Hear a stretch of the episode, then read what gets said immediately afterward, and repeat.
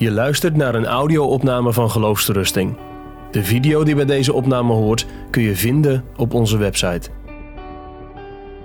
Wat betekent het om als christen in een technologische maatschappij en tijd te leven? Dit volgende thema gaat over wat de Bijbel daarover zegt. Al kijken we in de Bijbel, zien we eigenlijk al redelijk snel in de Bijbel, aan het begin van Genesis, de dualiteit van technologie. Technologie wordt gebruikt om goede dingen te doen en om verkeerde dingen te doen. Goed tot eer van God en slecht tot eer van de mens zelf.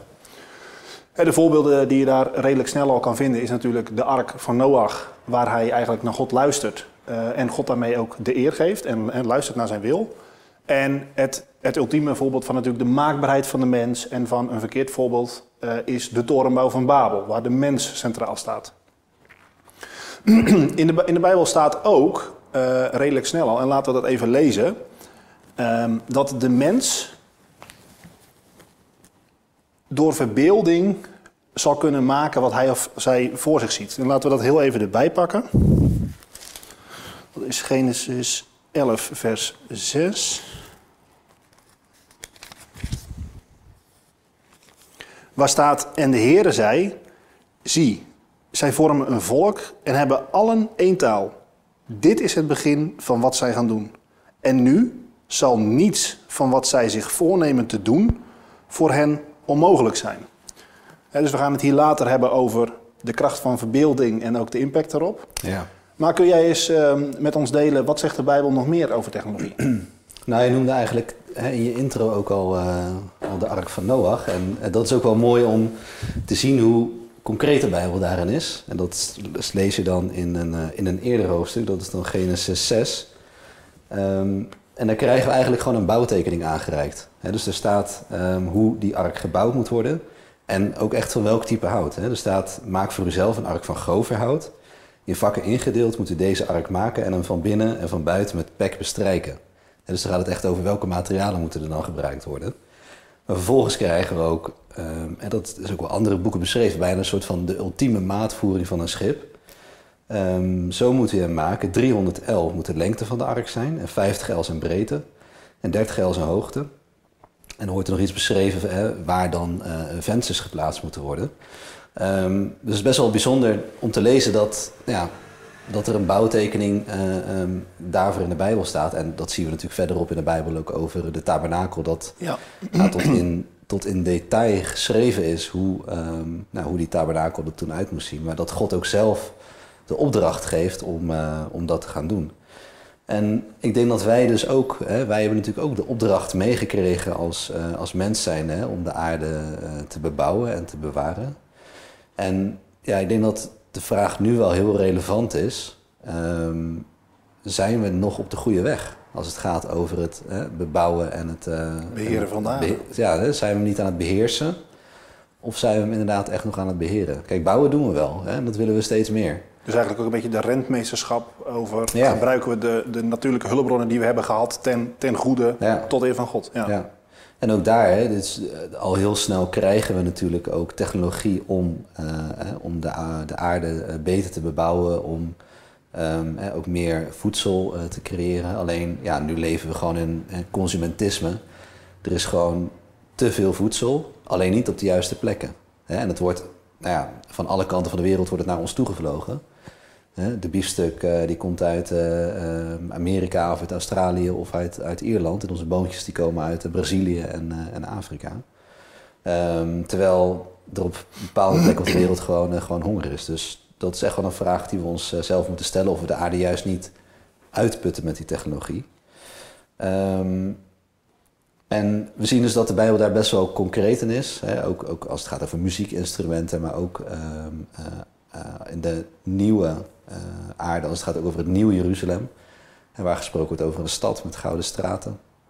En dat kun je ook echt wel zien als, een, ja, als, als technologie die ook daar vorm krijgt. Uh, maar ja, technologie krijgt op een gegeven moment bijna een soort religieuze proporties. Hoe kijk jij daar uh, tegenaan? Vandaag de dag zeker. Hè? De, de, de, laatste jaren zie je ontwikkelingen waarin um, technologie weer de heilige graal eigenlijk van, van alles lijkt te zijn. En ook natuurlijk technologie is nodig om data en inzichten te maken waarop dan mensen, bedrijven sturen. Um, en dataïsme, dat is eigenlijk, um, zeg maar even, hè, dat neemt religieuze proporties aan. Omdat de mensen die daar, zeg maar, uh, die, die in dat domein zich, zich bezighouden, die geloven daar heel stellig in. Hè. Dus alles is herleidbaar naar nulletjes en eentjes. Ja, en dus, je zei dataïsme, maar is dat dan het dataïsme? Dus de, het gebruik van data, eh, dat als, als heilige graal, wat je ook al in een eerder thema zei, is dat dan zeg maar dataïsme? Nee, dus dataïsme is vooral het geloof dat alles herleidbaar is naar data, of naar, uh, naar data en naar inzichten.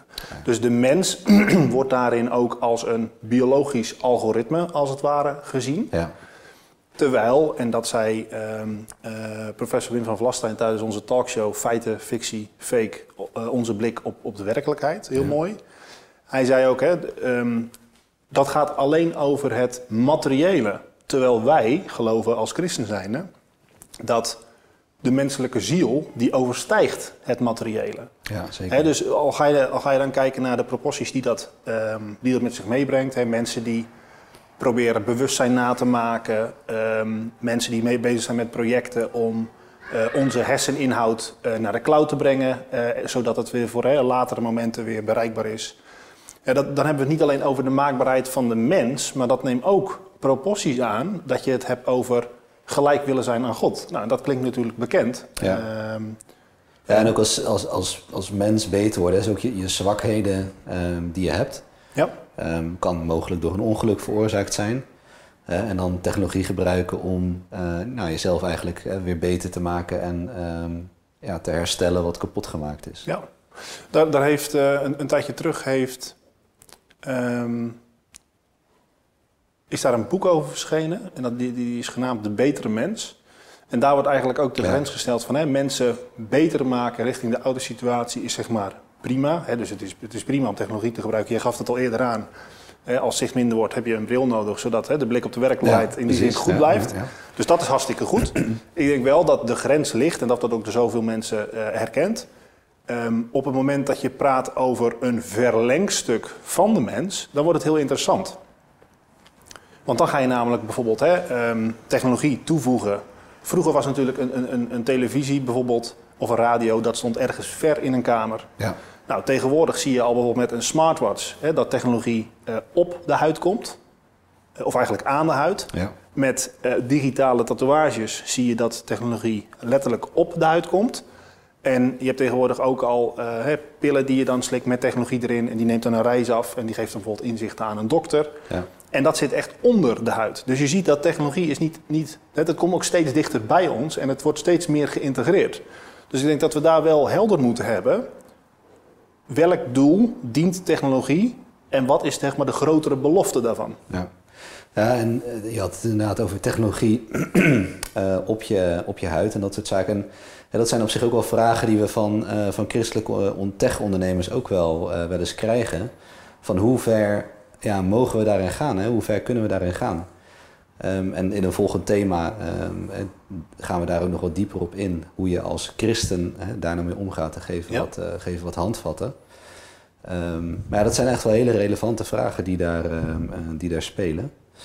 Eh, om dit, dit thema even af te sluiten, zijn er nog zaken die, die je daarin mee wil geven? Nou zeker, dus al kijk je naar, al vatten we hem even samen. Hè? Techniek en technologie ligt in de schepping opgesloten. He, dus daar, daar, heeft God een plan mee. Dat mogen we gebruiken ten goede, ter eer van Hem.